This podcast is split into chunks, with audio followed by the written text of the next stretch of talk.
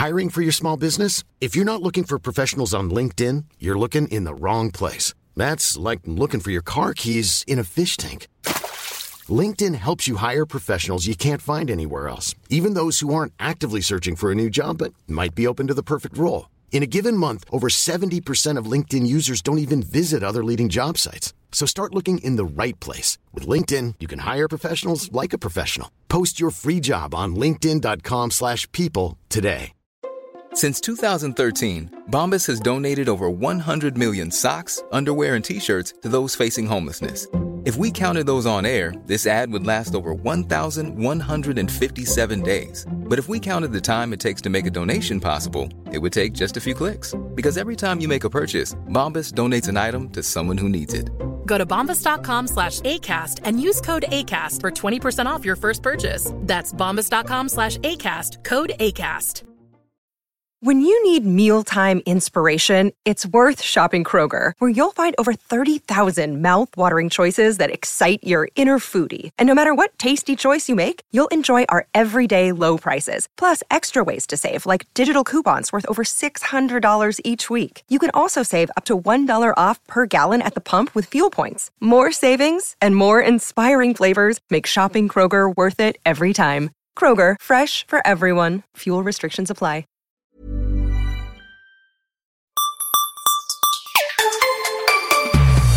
Hej och hjärtligt välkomna till Mac-radion. Eller vi kanske ska säga iPhone-radion. Eh, inte helt oväntat så kommer vi diskutera denna kära produkt eh, även denna veckan. Men först. Apple släppte precis sin kvartalsrapport. Och eh, det vi fick se var Apples bästa kvartal någonsin. Omsättningsmässigt. Eh, även vinstmässigt. Men det var inte så stor ökning som, som det andra. Sålde överlägset mest iPhones någonsin och även iPad. Mac-försäljningen gick ner lite. Faktum är att man gjorde det fjärde bästa kvartalet någonsin, alla företag, sedan tidernas begynnelse. Och man gjorde faktiskt det bästa årsresultatet eh, någonsin, alla företag. Och aktien och, tappar 10% i after hours trading.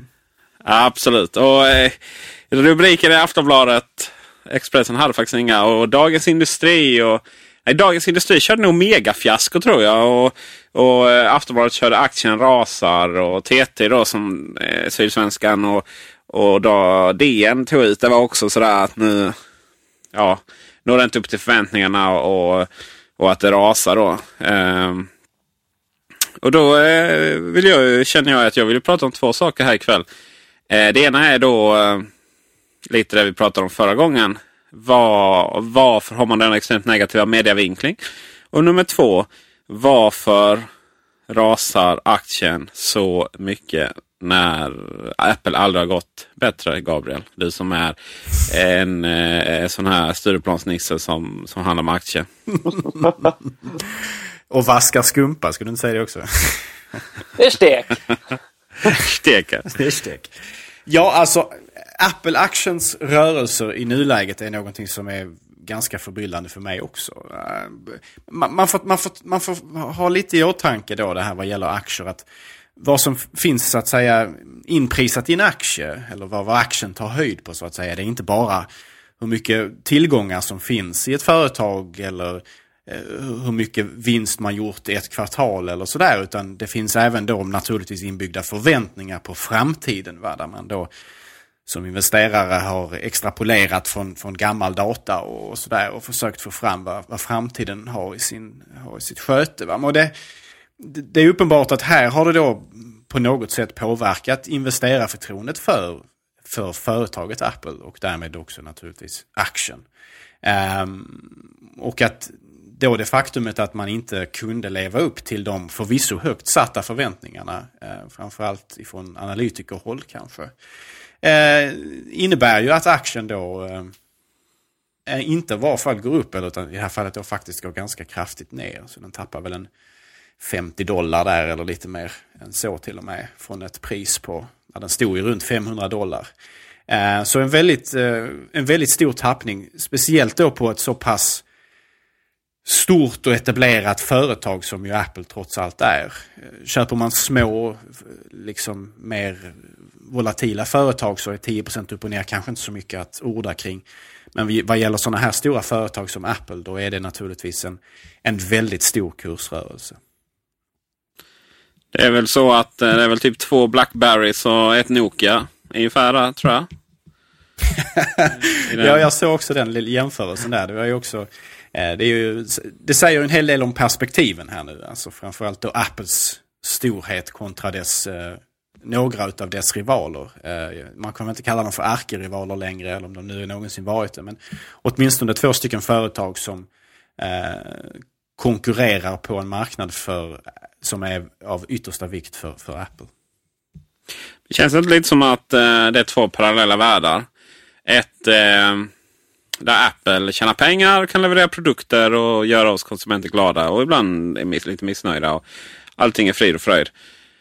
Och sen finns aktien som bara är någon form av valuta i ett helt annat spel. Eh, och att de inte har så mycket med varandra att göra egentligen. Ja, man, man, brukar väl säga det att, att, att, att, aktier i det korta loppet så att säga, eh, ur det korta tidsperspektivet kan vara irrationell. Eller marknaden om ni så vill, kan vara irrationell ur ett kort tidsperspektiv. Men att sett över en lite, en lite längre horisont så, så kommer marknaden att göra en korrekt prissättning på en aktie som ju är en del av ett, av ett företag. Då, va? Så att man får väl inte ta riktigt, man får inte ta för hårt på de här svängningarna baserat på det här heller. Utan eh, ibland har helt enkelt inte marknaden rätt. Eh, och eh, jag tror, nu jag är ingen aktieanalytiker eller sådär professionell på något sätt, men jag tror att marknaden har fel här. Och att det är mycket skräck som påverkar här nu. Och de här sensationalistiska rubrikerna som vi såg och tog del av här. Eh, de har ju säkert funnits på liknande sätt i andra länder och det är klart att når man då ut till en tillräckligt stor del av eventuella aktieinnehavare då, då kan det naturligtvis också påverka eh, ur ett kort perspektiv eh, människors uppfattning kring aktiens värdering. Men jag tror att sett över tid så kommer vansinnet så att säga att ebba ut. Men eh, jag tänker där Henrik. Eh, när man läser de här artiklarna så framgår det, framstår, man läser folk kommentarer och sådär och, och tycker, det, och tycker det är såklart jättebra för det finns ju en Apple-hatare under varje sten så att säga. Eh, ja, nu går det åt skogen och, och, man pratar om att det är på grund av att, att telefonen inte, att inte kunderna är nöjda med den och så vidare. Och så vidare. Och det, det, är, det har ju ingenting med, med huvudtaget med det att göra. Med tanke på att man säljer fler än någonsin. Men kan det i sin tur, en dålig aktiekurs, bli dålig PR och på så sätt påverka produkten eh, och, och sådär? Henrik, vad tror du? Då? Ja, alltså jag, jag, jag tror i alla fall, alltså jag, jag skulle faktiskt vilja jag, jag, läste på just Dagens Industris hemsida för, eh, det var väl i, i tidigare idag helt enkelt, och då har de just eh, rubriken eh, kollapsade på börsen. Och så skriver de efter bolagets svagaste kvartal på ett decennium föll aktien handlöst i New York. Ehm, och, och, jag menar den här, det här sättet att, att, att ehm, liksom skapa nyheter och skapa sensation kring nyheter. Det är inte någonting som bara gäller Apple utan det gäller ju tyvärr generellt sett i journalistiken att den blir väldigt mycket sensationsinriktad. Den blir väldigt klickvänlig om man, om man så vill och den blir väldigt eh, ointelligent på många sätt också.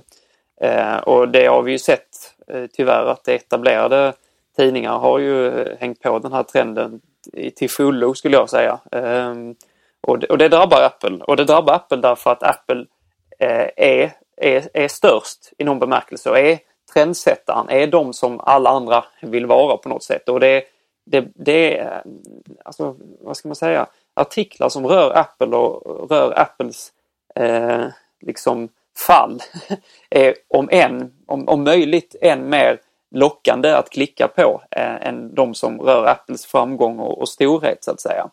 Så att det är klart att, att jag tror väl att det kan påverka till viss del för att det, alla människor har inte, eh, är inte tillräckligt källkritiska, är inte tillräckligt Eh, kritiska mot, mot den, de artiklar som man tar del utav. Och det, det, är ett problem man har generellt sett kan man väl säga i samhället. Och det, det är klart att det kan drabba, drabba Apple till viss del men i slutändan så är det ändå så att det är produkterna som, som, som avgör. Eh, och det har ju Steve Jobs sagt flera gånger liksom att gör man bra produkter så kommer det att, att synas. Och det har det gjort för Apple också på otroligt, otroligt många sätt. Och jag menar den här, fast hur DN framställer detta som, som det svagaste kvartalet på ett decennium så är ju detta ett, ett det är ju det är fantastiskt, fantastiska resultat på, på alla sätt. Liksom. Så att det, det är mm, kortvarigt kanske det kan, kan påverka men jag skulle tro att det handlar ändå om produkterna i, i, i slutändan.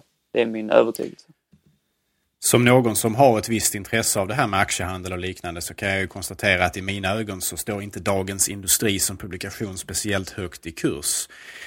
Har väl en trovärdighet och substans som i mina ögon på många sätt motsvarar Aftonbladets. Eh, framförallt då webbversionen utav tidningen tenderar att sätta väldigt eh, kreativa, om vi säger så, rubriker eh, på sina artiklar. Eh, och det är ju säkerligen då delvis förklaringen i att rubriken ofta sätts av en annan person än den som skriver artikeln. Eh, men även många gånger så kan artiklarna innehålla rena faktafel eller förvanskningar och sådär.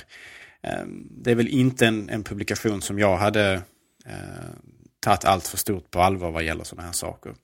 En högst personlig åsikt naturligtvis. Det finns säkert de som inte håller med mig där. Eh, vad, vad gäller din andra fråga där Peter om, om det kan påverka Apple alltså försäljningsmässigt att de får de här skräck eh, Eh, artiklarna eh, skrivna om sig. Det är klart, eh, om ett, om ett företag är i tillräckligt utsatt situation och det börjar spridas en, en, liksom en känsla på, på marknaden eller eh, hos gemene man om att, att, att företaget håller på att gå under. Nu är det inte så i fallet med Apple, men om, om den liksom uppfattningen börjar bita sig fast, va, då är det klart att det kan påverka negativt utvecklingen för produkternas försäljning också. Jag menar, jag tror att ganska många har faktiskt eh, tvekat inför att exempelvis köpa nya Blackberries baserat på det faktumet att företaget gör faktiskt väldigt dåligt ifrån sig vad gäller liksom, eh, ekonomi och sådär. Även fast det till viss del hänger på att man inte fått ut nya produkter, konkurrensvärdiga produkter i både hård och mjukvaruformat på ett tag. Um, så, så är det klart att, att, att om, om, om det blir en liksom kvarvarande upp, uppfattning va, på marknaden och därmed också i, kanske hos gemene man att det är ett företag som är på dekis, att, att det går dåligt ekonomiskt, uh, så kan det nog påverka människors vilja, inte bara att investera i aktien naturligtvis, utan också naturligtvis att investera i produkterna. Både vad gäller att utveckla för dem, men också att äga dem och använda dem.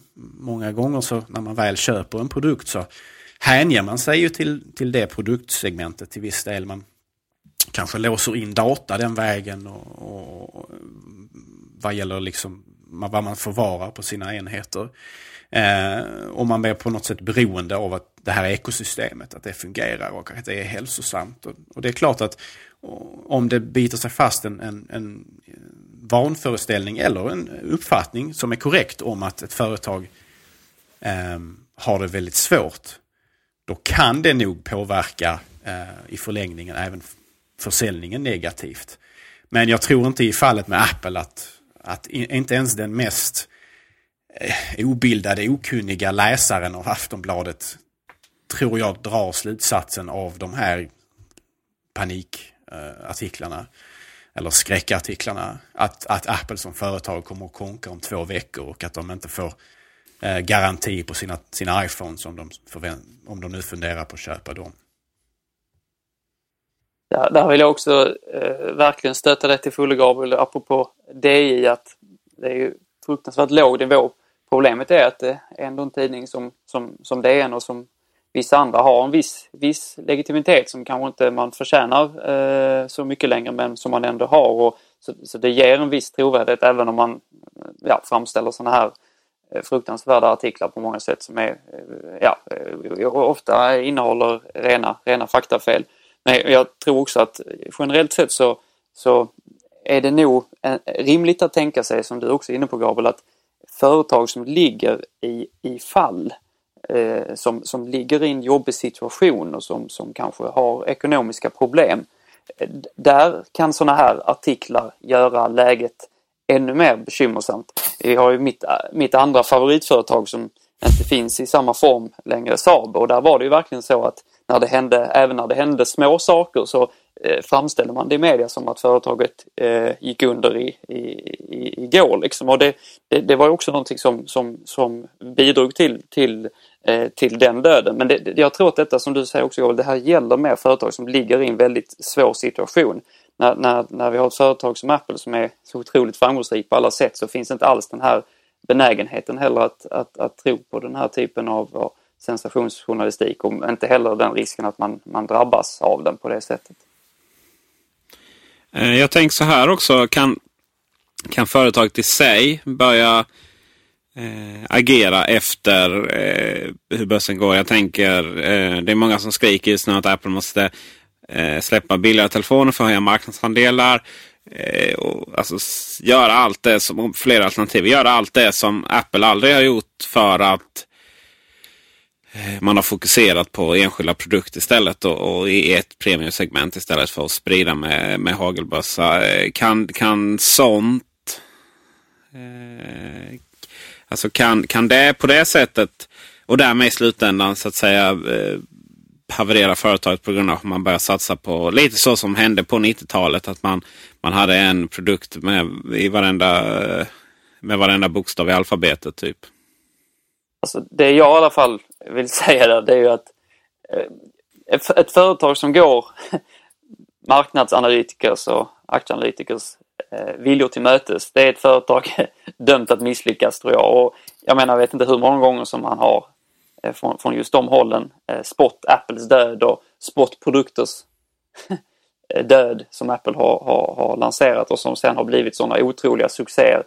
Så att skulle man på något sätt gå, gå den vägen och, och, och anpassa sig och bli ett företag som, som, som, som följer de här eh, kortvariga i alla fall eh, tendenserna som man kan se på eh, tendenserna och riktlinjerna som man kan få eh, se på börsen och eh, höra från analytiker i det här sammanhanget. Då, då är man ju väldigt illa ute. Sen är jag helt övertygad om att Apple har, har, eh, har lärt sig vad som är deras vinnande koncept. Det är inte att lyssna på, ja det är väl egentligen inte att, att lyssna på någon utan det är att, att eh, utveckla innovation och utveckla världens bästa produkter liksom så som man själva tror på dem. Och det, det, det tror jag att där är man helt, där är, det sitter så djupt rotat i företagskulturen och det finns ju ändå en, en, en så stark innovationskultur så att det, jag tror inte detta alls är ett problem. Jag tror inte att man kommer släppa någon, någon billig iPhone och framförallt inte för att göra det för att någon, någon, eh, någon marknadsanalytiker säger det. Det är, det är helt, eh, helt befängt. Och då, i så fall hade Apple varit extremt illa ute. Men det, det är ingen risk som jag ser det alls.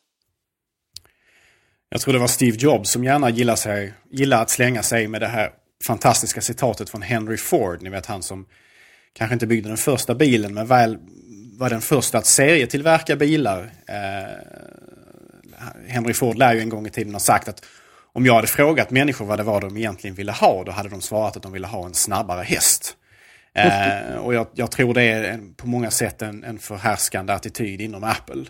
Eh, tanken på att, att det är inte alltid, och oftast kanske inte, eh, som, som kunderna egentligen vet vad de vill ha förrän det att man faktiskt från Apple visar dem.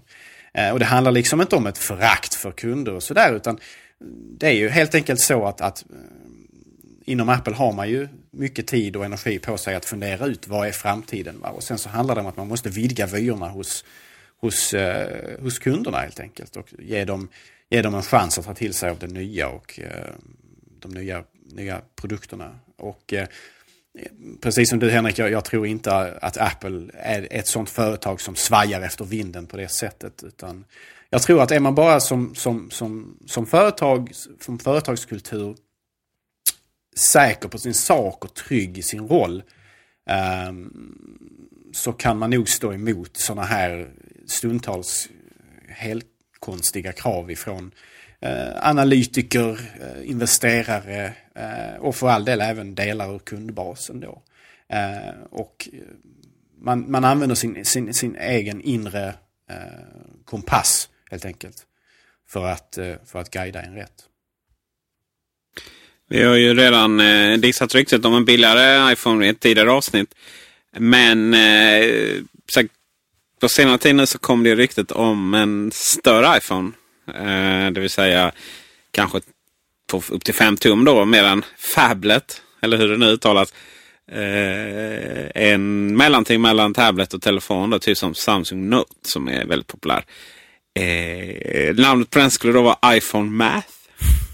Eh, jag vill ju att någon skrattar åt det. Vi kan börja med Gabriel. Av alla knasiga produktnamn som Apple aldrig kommer att använda sig om så är väl iPhone Math kanske väldigt högt upp på listan.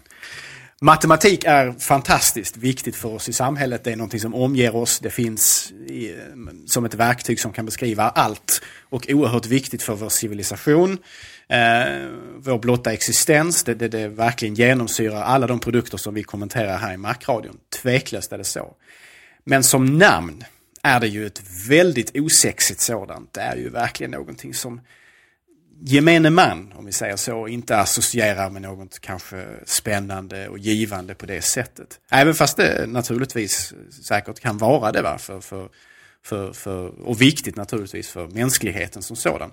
Men det är ju ett namn som jag har mycket, mycket, mycket, mycket svårt att se Apple applicera på en produkt. Eh, det har ju ryktats sedermera och också även dementerats vad jag vet att det skulle bero på någon slags knasig felöversättning från kinesiska som rapporten tydligen var på från början. Att de hade kört den genom Google Translate eller vad det nu kan ha varit för någonting.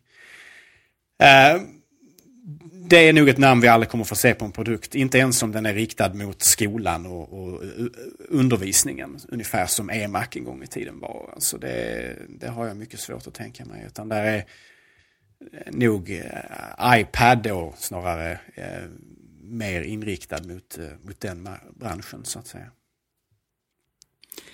Eh, Henrik, är det en produkt vi ändå vill se? Um, nej. Oavsett namn? Jag tror inte det. Eh, personligen så är jag ju rätt så övertygad om att en, en, en, en, en telefon så att säga eh, Eh, som har telefonfunktionaliteten i, som vi ser i iPhone idag exempelvis. Den ska inte vara större än att man kan hålla den och använda den med en hand jag tycker inte att det ser klokt ut när folk går runt med de här stora Android-plattorna. Det är groteskt för mig. Och jag känner liksom att, att det, nej, jag, jag, tror inte det är rätt väg att gå. Jag tycker också att Apple har, har kommunicerat ganska noga. Det gjorde man också i kommentarer kring det här, eh, den här kvartals, kvartalsrapporten. Att, att det, man, man vill, kunderna vill kunna använda eh, en, en telefon, en iPhone med, med en hand. Man vill kunna liksom nå de större delarna av skärmen och så. Jag tycker att den, den eh, storleksökning som iPhone 5 fick på skärmen tyckte jag var okej okay med reservation då för att jag var rädd att det skulle eh, bli eh, jobbigare att använda den och svårare att använda men jag tycker att det har blivit eh, väldigt bra när det gäller iPhone 5. Så att jag, jag, jag tror inte att detta är en produkt vi kommer få se. Eh, de som vill ha större skärm, Eh, då, de använder väl inte det, kan jag inte tänka mig, på samma sätt för att ringa så utan då då funkar en iPad Mini alldeles, alldeles utmärkt. Så att, jag, jag, förstår inte riktigt den här produkten. Alltså jag, jag tror på något sätt ändå att eh, jag menar många använder ju iPad för att kommunicera. Det är, det är tveklöst så va? i form av Skype och liknande. Va? Och där har du ju det är ju ett kundsegment som är betydande så att säga. Eh, och jag, jag, vet inte jag hur det var tänkt att den här skulle användas. Jag, jag, kan inte tänka mig att Apple, precis som Henrik var inne på här, att de producerar en 5-tums iPhone som är tänkt att man ska hålla upp eh, uppe vid örat och sådär. precis som Henrik var inne på, det ser inte klokt ut. Va? Eh, utan det skulle ju naturligtvis vara i så fall om man om man på något sätt kombinerar då Facetime, men det har vi ju redan. Liksom, att man kan prata med människor antingen via tal eller bild och sådär. Men mycket av det finns ju redan egentligen. Va? Det, eh, det är ju på många sätt eh, problematiskt. Va? Det här med Facetime funkar inte alltid så bra kanske. och sådär. Rent tekniskt finns det en hel del att göra med sådana här lösningar om vi säger så. Va? Skype kan man ju använda på iPad och sådär också. Va? Men, men, men någon, någon, någon femtums telefon, det har jag faktiskt svårt att tänka mig från Apple också. Och, åtminstone om det är liksom en renodlad telefon. Men däremot en, en, iPad med möjligheten att ringa fast man använder hörlurarna och pratar i, i micken där och så. Ja, det är, det är ju möjligt så att säga, men det finns ju i någon form redan eh, lösningar för det så att säga. En liten parentes där innan vi går in på nästa. Eh, Facetime sen det kom som eh, alltså funkade ihop med 3G istället för bara wifi. Så har vi använt rätt, rätt mycket i vår familj. Eh, det känns som att man mitt i en Apple-reklam varje gång. Sådär, eh, sådär sockersött och sliskigt. ja, precis. Eh, Mac-försäljningen gick ner för första gången på jättelänge. Eh, vissa saker var uppenbara där. De har ju till exempel haft någon iMac under hela kvartalet. Men eh, hur är det egentligen med våra kära mackar? Är det på väg ner eller var det ett undantag där Gabriel? Ja, alltså först och främst så får man väl säga det att, att trenden är ju mot det mobila. Eh, och med mobila så menar jag alltså iPhone och iPad och dess motsvarighet på, på konkurrerande plattformar. Eh, det är nog onekligen så att de Apples bärbara datorer har eh, till viss del eh, Eh, hämmats i sin tillväxt utav just eh, explosionen utav iPad framförallt användare men även till viss del iPhone. Eh, så det är ju onekligen så att det på många sätt är framtiden. Va? Eh, och precis som du var inne på, eh, iMac har ju inte funnits till salu under speciellt länge nu egentligen. Åtminstone så att man kan leverera och faktiskt ta betalt för det. Eh, samtidigt så är ju desktop-segmentet som helhet eh, ett, ett krympande sådant fortfarande. Det är ju på många sätt laptops som gäller eh, för många om man ska köpa en traditionell dator idag. Eh, men när man väl är i laptopsegmentet så för många så är steget ganska lätt över till just iPad och, motsvarande, produkter. Eh, så det är klart att jag, jag, jag menar det här är nog det, det, det kan gå bra för, för Mac-avdelningen inom Apple under väldigt lång tid. Va? Man kan säkerligen fortfarande tjäna mycket pengar och sådär och, och kanske även växa eh, med rätt produkter. Men, men någon explosionsartad tillväxt som eh, skulle stjäla tillbaka marknadsandelar från de här alternativa plattformarna. Det har jag mycket, mycket svårt att tänka mig faktiskt. Eh, datorn som, som, som traditionellt verktyg och redskap är fantastisk och jag, jag eh, älskar fortfarande min Mac över allt annat. Men man måste på något sätt ändå erkänna att eh, framtiden på många sätt för de allra flesta eh, ligger i iPad och iPhone-segmenten. En stor del av att man inte eh, kunnat leverera iMac är ju att ja, de är svåra att tillverka. Kan inte alls... Eh, eh, dels var de försenade och nu så är det ju stor brist på dem ändå. Eh, även iPhone är ett problem. Det var, det var också svårt att tillverka och kvalitetskontrollen där i början eh, gjorde att eh, när man eh, höjde den, för folk klarade vissa grejer, så försenades ännu mer leveranser. Och även iPad Mini finns det brist på.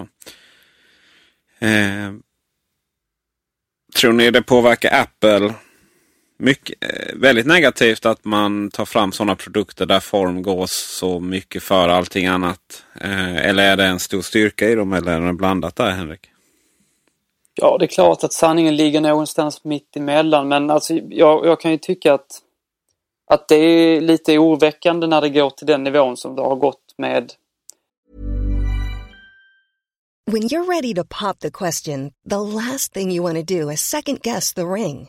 At Bluenile.com, you can design a one of a kind ring with the ease and convenience of shopping online. Choose your diamond and setting. When you find the one, you'll get it delivered right to your door. Go to Bluenile.com and use promo code LISTEN to get $50 off your purchase of $500 or more. That's code LISTEN at Bluenile.com for $50 off your purchase.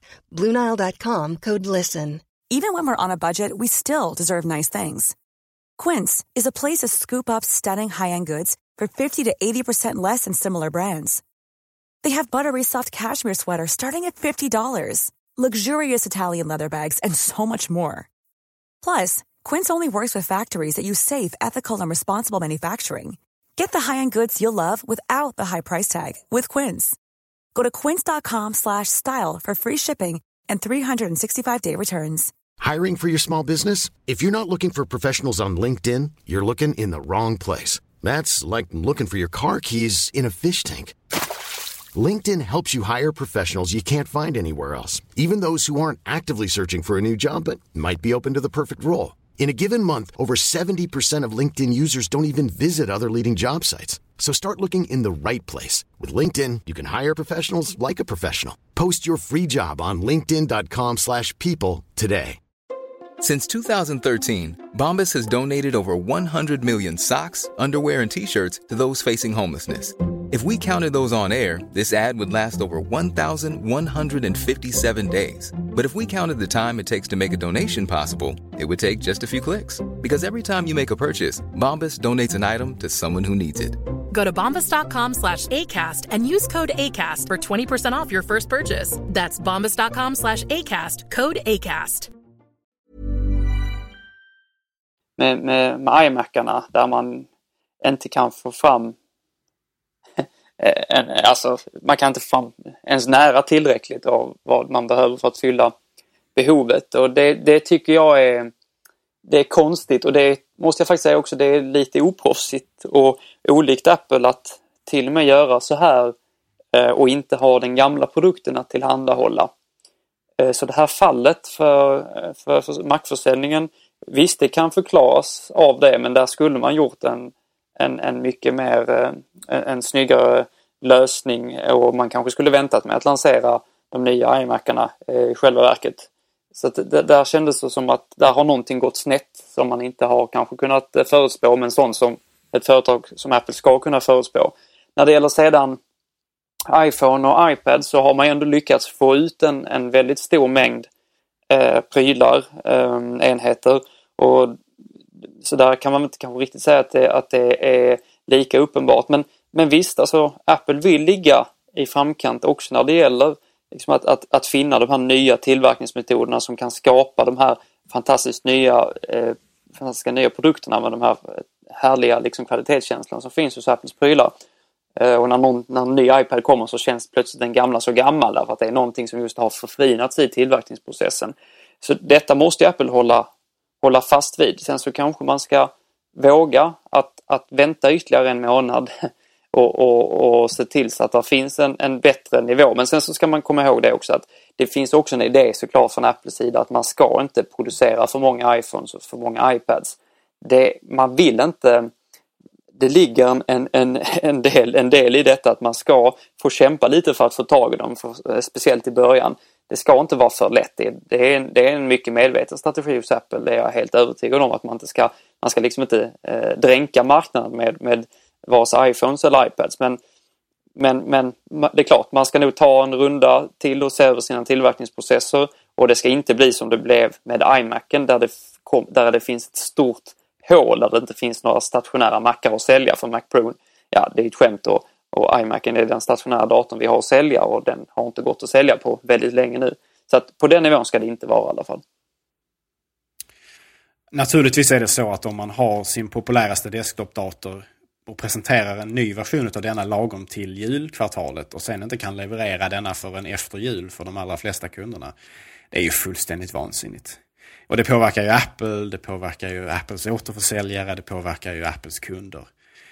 Fullständigt, fullständigt vansinnigt. Eh, så vitt jag har förstått så är det väl framförallt två saker med iMacen som varit svår, svårtillverkade. Det är ju den här friction stir welding, den här möjligheten att svetsa, eh, heter det kanske, eh, i kanterna på ett sådant sätt så att man gör det utan att det finns en synlig skarv. En väldigt högteknologiskt sätt att göra det på. Eh, och sen också det här med att man på något sätt klistrar på eh, skärmen på, eh, eller själva displayen på, på glaset så att säga. Det är väl framförallt där som problemet har varit. Eh, men det är, det är ju väldigt konstigt, väldigt olyckligt för alla involverade egentligen. Samtidigt så tror jag att det är inte speciellt många kunder som har vänt i dörren och lämnat. Utan jag tror de allra flesta som går in i en butik eller sådär som vill, vill köpa sig en iMac av det nyare snittet de ställer sig nog helt, eh, helt sonika snällt i kön och väntar. Och om det är så är fallet så kommer det ju snarare då kanske att förutsatt att leveranserna har så att säga blivit betydligt bättre nu under detta kvartalet som vi har påbörjat. Så borde detta ju reflekteras i en betydligt, eh, betydligt bättre siffror för det nuvarande kvartalet. Eh, eftersom det har finnas, funnits ett så att säga ett, ett, ett uppdämt behov eller en, en, en önskan hos många kunder på marknaden att få tag på den här produkten. Ehm, så det återstår lite grann att se, men jag, jag, tror inte att Apple har förlorat speciellt många kunder till Dell eller motsvarande bara för att man inte kunnat leverera, leverera iMac i tid. Ehm, däremot så naturligtvis har det ju drabbat både företaget, dess, dess underleverantörer, dess återförsäljare och dess kunder ehm, på, andra sätt. Håller du med det Henrik säger där att eh, man har någon form av strategi och eh, underhålla, und, eh, undanhålla produkter från marknaden för att man vill att det ska vara för lätt att få tag på dem i början? Ah, lite mer kontroversiellt eh, påstående där från Henrik Hågemark, min gode vän. Jag är väl lite mindre konspiratoriskt lagd eh, än sådär och jag har nog egentligen lite svårt att, eh, att acceptera det som en förklaring. Ehm, jag personligen, och det är en högst personlig uppfattning, tror nog inte att det ligger så mycket i det där egentligen. Men om Henrik har, har fler argument för varför det kan vara så, så hör jag jättegärna, tar jag jättegärna del av dessa.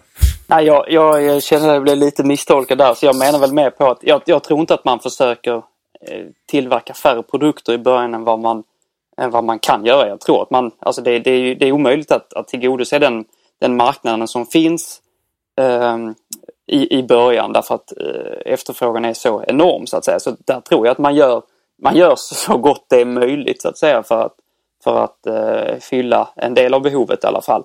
Men sen så tror jag att det finns en, eh, en kultur eller en idé i företaget att man i alla fall när tid har gått att man inte man, man, man, man producerar inte, definitivt inte fler iPads eller iPhones än man vet att man kommer kunna sälja. Man kommer inte riskera att, att liksom, som man har gjort vid vissa tillfällen i Apples historia också, där man har stått stått med, med gamla iPads eller liknande över i, i, stora mängder. Så att det här kommer man att, det här försöker man undvika. Det, det ligger i kulturen och mer på det sättet jag menar att man, man, man har ändå en, en, idé om att man inte ska producera för många enheter. Och man vill aldrig stå i ett läge där man producerar för många enheter för, för marknaden. Så att det, det var nog mer det som eh, var min poäng. Och jag menar det är ju nästan, man, man kan titta från oss återförsäljares sida då. Eh, vi som alla tre jobbar på på fantastiska Kullander Jansson så känner vi också att vi har ju nästan alltid, eh, mer eller mindre har vi alltid vissa problem med vissa produkter. Att få dem i tid och har svårt att säga när leveranserna kommer och så. Och jag, jag har svårt att tro att detta är bara helt av en slump att det är så här utan jag tror att Apple är ganska välberäknande och man, man, man, man det, det finns en, en, en lite, lite av en kultur att man man kan behöva vänta och man vill absolut aldrig riskera att få för många av, av, av någon av, av företagets produkter. Så att det, det var det som var min, min poäng. Lite mindre kontroversiell kanske. Ja, den, det, den förklaringen kan jag köpa mer då naturligtvis. Som företag så försöker man ju alltid matcha tillgång mot efterfrågan. Och precis som Henrik var inne på, man försöker ju att undvika att få ett övers, överflödeslager eh, som, som man sen har svårt att göra av med. Speciellt då inför nyintroduktioner. Nu har ju Apple till viss del rätt så starka möjligheter att, att korrigera sånt där själv eftersom det är de som själva avgör när man släpper en ny produkt och därmed så har man ju allt tid på sig att, så att säga, tömma lagret Eh, innan dess. Eh, ibland lite för tidigt som vi såg med iMacarna då eh, alldeles nyligen. Ehm, sen är det ju så att i det här fallet med iMacarna också så om, om Apple hade producerat låt säga en miljon fler iMacar än vad som behövdes under första månaderna så hade man ju haft ett antal månader på sig, kanske till och med ett år, att sälja av dem på. Så om inte liksom efterfrågan på dem fullständigt eh, går i golvet så, så borde det inte vara något problem. Men naturligtvis, som företag så försöker man alltid undvika att ha, ha ett, ett alltför stort överflödes av, överflödeslager av produkter. Det är nog ett större problem för andra tillverkare av andra saker än vad det är för Apple. Eh, det hade kanske varit eh, ett större problem för ett företag som exempelvis tillverkade sådana här liksom extremt dyra jeans och som kanske profilerade mot en viss sorts marknadssegment. Och där man helt plötsligt, om, inte man, om man producerar alldeles, alldeles för många så kanske man måste liksom sälja in det i butiker som man tidigare kanske inte ville ha med att göra. Så där, bara för att man vill liksom bokföra eh, det som en intäkt snarare än bara en utgift och sådär. Jag, jag, jag, tror det är ett större problem för många andra företag än, än det är för Apple. Men Apple har ju historiskt sett visat sig vara väldigt ovilliga att exempelvis mm, besudla, det är inte riktigt rätt ord, men eh, nedvärdera eh, märket genom att exempelvis rea ut produkter. Eh, om man nu har ett överflöd av en fullständigt misslyckad produkt som exempelvis eh, Power Mac G4 Cube som, som, som ju en gång i tiden var en fantastiskt trevlig dator från Apple som försäljningsmässigt var en katastrof. Eh, och då vet vi ju så här i efterhand att man hade ju ett stort överflöd av dessa. Och, man kunde naturligtvis ha, ha skeppat dem i Afrika, till Afrika i containrar och sålt dem för, för extremt lite pengar till fattiga människor. Istället så valde man att gräva ner dem i en grop. Eh, plöja ner dem där och glömma dem. Eh, är det där verkligen bekräftat? Det? Ja, jag har läst artiklar om det där. Eh, på internet? På internet, ja naturligtvis. För de reades ju ut också mm. i, i slutet. De såldes ju väldigt billigt. Jag vet eh, Kungsmålsskolan jag pluggade på media på. De köpte in ett gäng där för det var ju, jag vet inte, det var strax över 10 000. Ja, just det. Mm. Ja, vi låter det osagt då. Men i varje fall. Eh, jag tror ändå Apple har... Gräva ner en mack liksom. Snacka om ja, att devalvera grejer. Jag tror att Apple har åtminstone väldigt svårt för tanken på att, att rea ut sina produkter. Eh, problemet med en sån här produkt som exempelvis PowerMac E4 Cuben då va. Eh, problemet är att om man rear ut en sån här produkt så, så sänker man ju liksom värdet på andra produkter i sitt segment också. Va? Det, blir, det blir problematiskt på vissa sätt därför att eh, då blir den produkten så pass prisvärd så då, då kanske det hade kannibaliserat på produktionen utav vanliga, eller produktionen och försäljningen utav vanliga eh, utav vanliga PowerMac-datorer. Men, men okej, okay. det, det, är möjligt att, uh, möjligt att jag har fel där. Jag ska, jag ska kolla upp det där med kuben. Till, uh, mm. till, ett, till ett senare avsnitt. Men så upprörd du blev på mig när jag insinuerade att den första macken där var en, uh, en flopp försäljningsmässigt. Och, och, och så säger du så här om kuben. Ja, jag minns. Ja, nej, allt Steve Jobs tar blev ju inte guld. Men han lärde ju sig onekligen av sina misstag. Ja, men så är det. Det var ju... Man får ju också skilja mellan produkter som misslyckas för att de är dåliga och produkter som misslyckas för att de har dålig timing eller dålig prissättning eller vad det nu kan vara. Och i fallet med kuben så var det ju inte en dålig produkt utan en eh, för dyr produkt att producera. Det är lite som, eh, alltså ibland missar ju Apple det målet där. Eh, kuben var en sån sak. Fantastiskt fin. Men prismässigt så, var den för dyr då. Eh, och eh, ändå eh, en annan produkt som man ser då till, till kvartalsrapporten hur, hur försäljningen är. nu har inte brutit ner riktigt eh, produktmässigt så. Och man pratar om bärbara var ju så att säga helt i linje med försäljning, försäljningen som förväntats. Sådär. Sen var det ju då iMac och andra stationära som gick åt skogen. Men där hade jag ju lite så här för att eh, Macbook Pro 15 eh, Retina var ju, gick ju väldigt bra. Eh, man baserar på leveranstiden och så i början och, och, och, och sådär. Men jag hade nog förväntat mig att 13-tummaren skulle eh, verkligen sätta ett avtryck där på, på försäljningsmässigt. Att den, att den på något sätt skulle bli eh, ja, kanske nya Macbook Air ändå. Men eh, den har ju inte alls, alls visat sig eh, eh på det sättet. Och, och liksom, eh, den, det är inte så många som frågar efter den eh, eh på Alto Mac och sådär. Liksom. Det, det, det är den som, som är datorn som gäller. Liksom. Och där tror jag att att den kan kosta en 2-3 tusen för mycket. Men eh, å andra sidan hade de inte kunnat sälja den för det om de skulle göra någon vinst då kan man tänka sig. Jag tror där Peter, alltså att du har helt rätt att den här datorn, alltså Macbook Pro 13 tum Retina med Retina-skärm, den ligger för högt i pris. Framförallt, alltså jag tror att den, den kunde legat rätt om den hade haft eh, trevligare på standard. Därför att om man jämför vad man betalar för en, en 15-tummare Ehm, med samma eh, flashlagring eh, helt enkelt så är det inte någon större prisskillnad men man får så otroligt mycket mer i en 15-tummare. Så att de som ändå har eh, känner att de har råd med den här datorn som, som de här datorerna som kostar mycket pengar. Det här är ju dyra prylar liksom. Ehm, då, de tar hellre 15-tummaren för de har också krav på kanske riktiga grafikkort eller på fyrkärniga processorer eller så. Ehm, man, man skulle behöva kompensera den faktiskt betydligt sämre prestanda som man har i en, 13-tummare med ett, med ett lägre pris. Och jag trodde ju faktiskt att vi skulle få se en, en, en, en eh, Macbook Pro eh, 13-tummare Retina som hade ett startpris på strax under 15 istället för nu 16,5. Eh. Så att jag tror att man, det ligger fel där och jag tror också att det bara är en tidsfråga innan, innan man kommer ha möjlighet att pressa ner komponentpriserna, kanske framförallt till skärmen och så som är dyr att framställa. Så att man kan eh, ligga i det eh, segmentet också. Vilket gör också att man kan ta bort den här eh, ja, eh, dinosaurien eh, Macbook Pro eh, med, med eh, DVD-brännare och hela det köret. Liksom.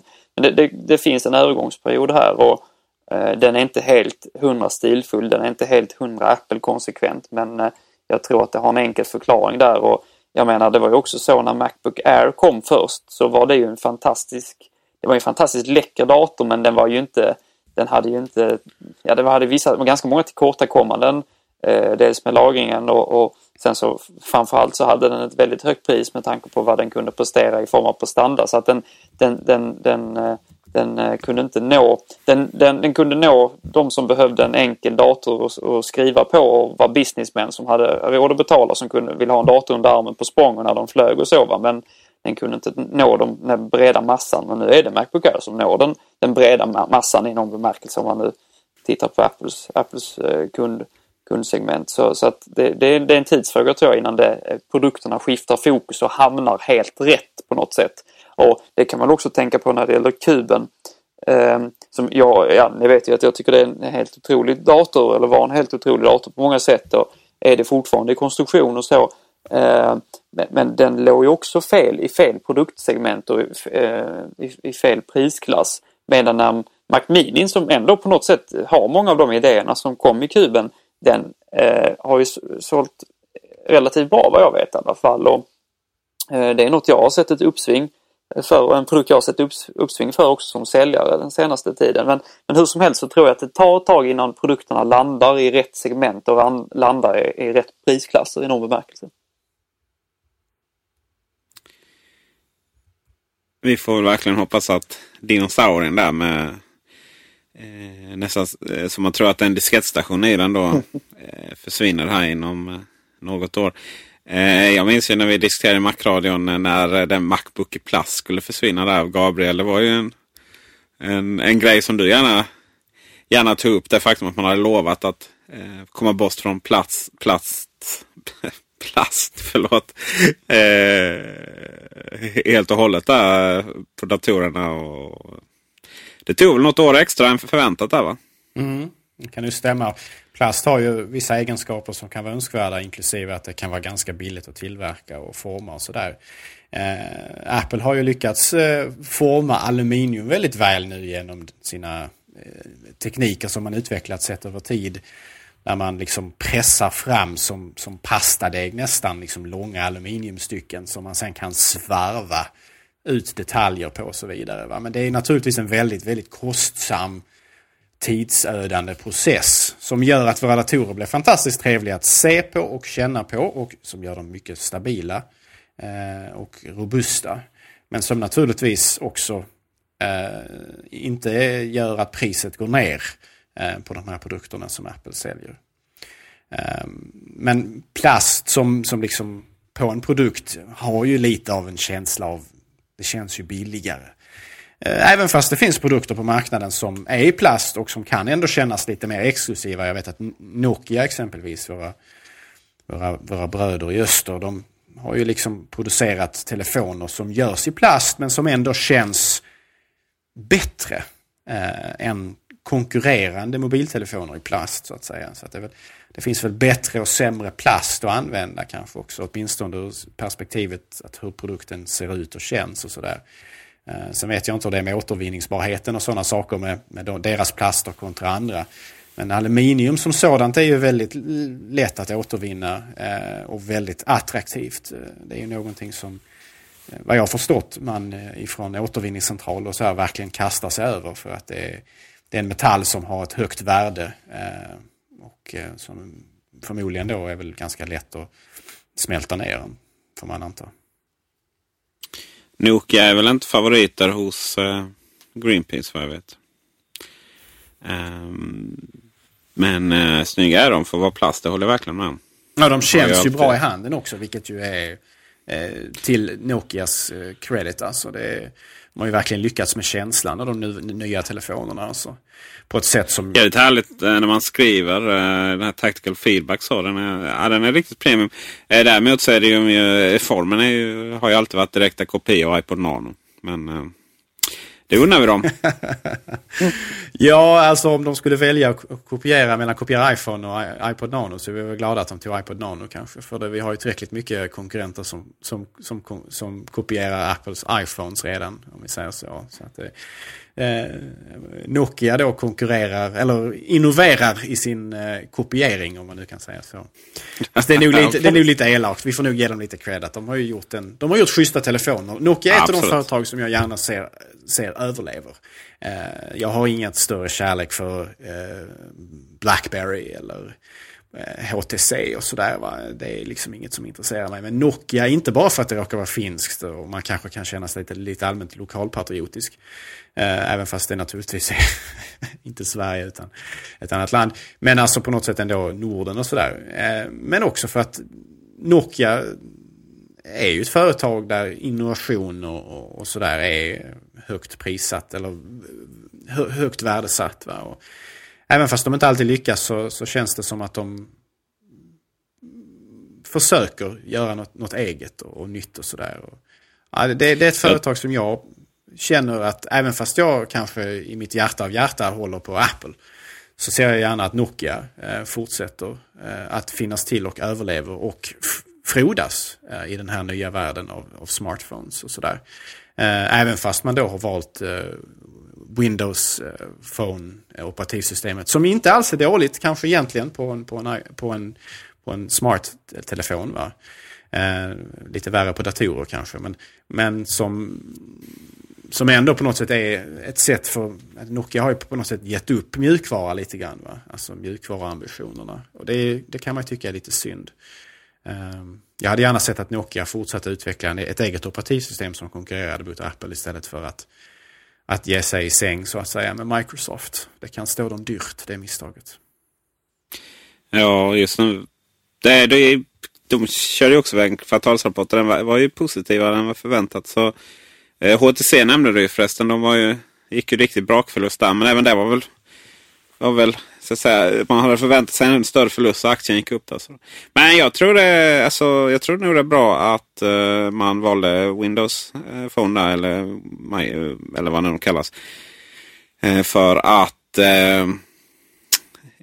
Android finns ju inte. Det är ju Samsung egentligen som, som är synonym med det på något sätt. Sådär. Visst finns ju HTC på sitt hörn men det går ju jättedåligt för dem. Och sen har vi ju sen har vi Sony Ericsson.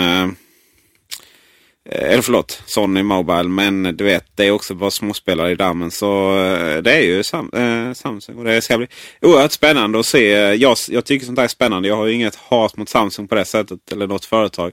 Eh, känns ganska opedagogiskt. Så jag tycker mest det är spännande att se hur eh, det enda företaget som eh, tjänar några pengar på Android.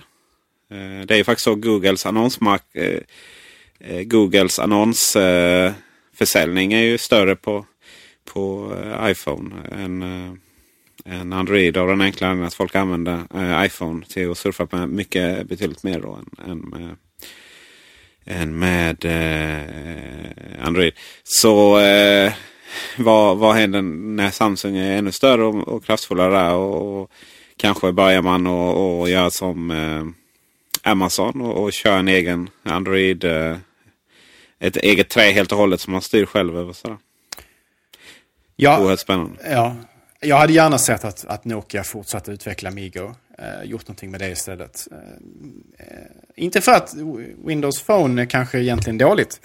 Eh, men snarare därför att man just nu då har bundit sin framtid och sin framtida framg- sina framtida framgångar till en medspelare som historiskt sett har visat sig högst villig och kapabel att äta sina små, om vi säger så. Att, att assimilera eller krossa eh, både konkurrenter och samarbetspartner eh, på ett sätt som varit ganska så hänsynslöst stundtals. Va? Eh, och jag menar, hur länge tills vi ser en smartphone som kommer ifrån Microsoft själva?